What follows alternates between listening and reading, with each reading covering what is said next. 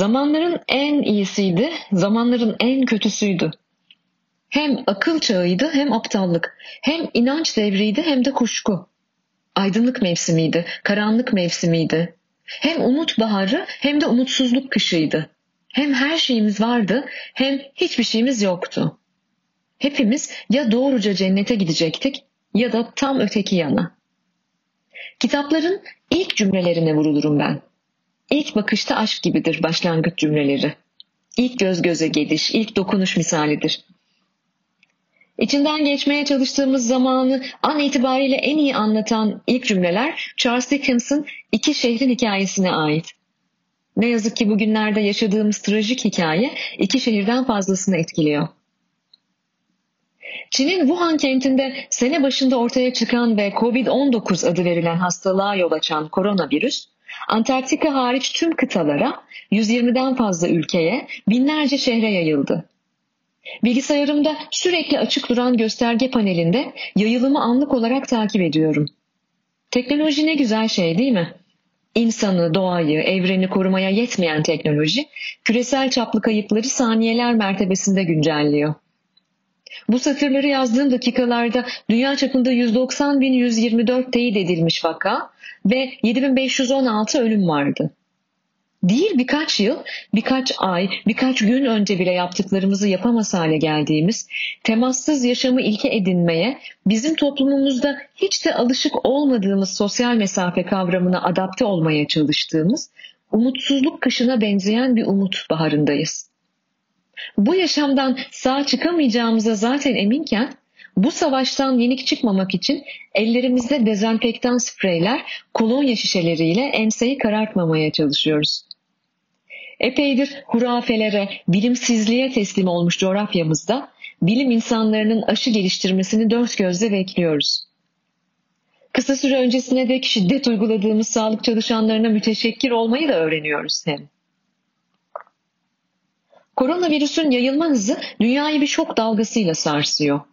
Hükümetler çan eğrisini düzleştirmek için sınırlarını kapatıyor. Sokağa çıkmayı engellemeye çalışıyor. Günün sonunda mevcut sistem pandeminin yapısal nedenleriyle savaşmak yerine acil önlemlere odaklanıyor. Bundan 5 yıl önce Bill Gates'in bir TED konuşmasını izlemiştim.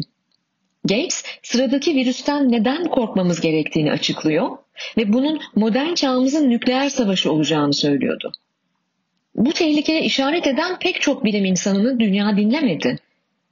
Biyolog Rob Wallace yeni virüsler ve endüstriyel gıda üretimi arasındaki bağlantıyı araştırıyor. Endüstriyel tarımın temelli sona erdirilmesi gereğine ve yüksek derecede kapitalistleştirilmiş gıda üretiminin insanlığın tamamını tehlikeye atan uygulamalara dayalı olduğuna işaret ediyor. Bu global yaşamsal kriz sadece bireyler veya kurumlar olarak değil, ülkeler olarak da yeni çağa nedenli hazırlıksız olduğumuzun kanıtı oldu. Ülkeler ortak akıl ve işbirliğinde zaman kaybetti. Sınıfta kaldı.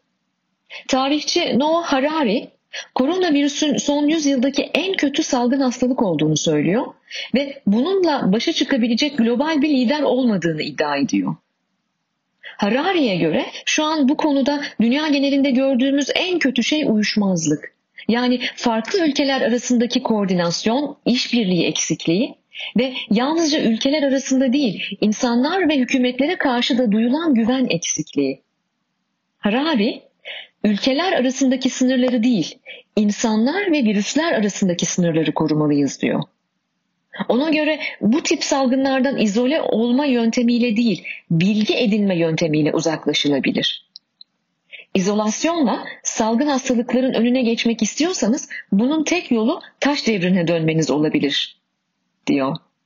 Harari'nin son günlerde beni epey derin düşüncelere salan bir uyarısı daha var. Salgın, totaliter rejimleri güçlendirebilir. Bu durum gelecekte gizlilik ve sağlık arasında büyük bir savaşı da beraberinde getirebilir. İnsanlar yakın zamanda salgın hastalıklardan korunma adı altında bütün gizliliklerini yitirebilir.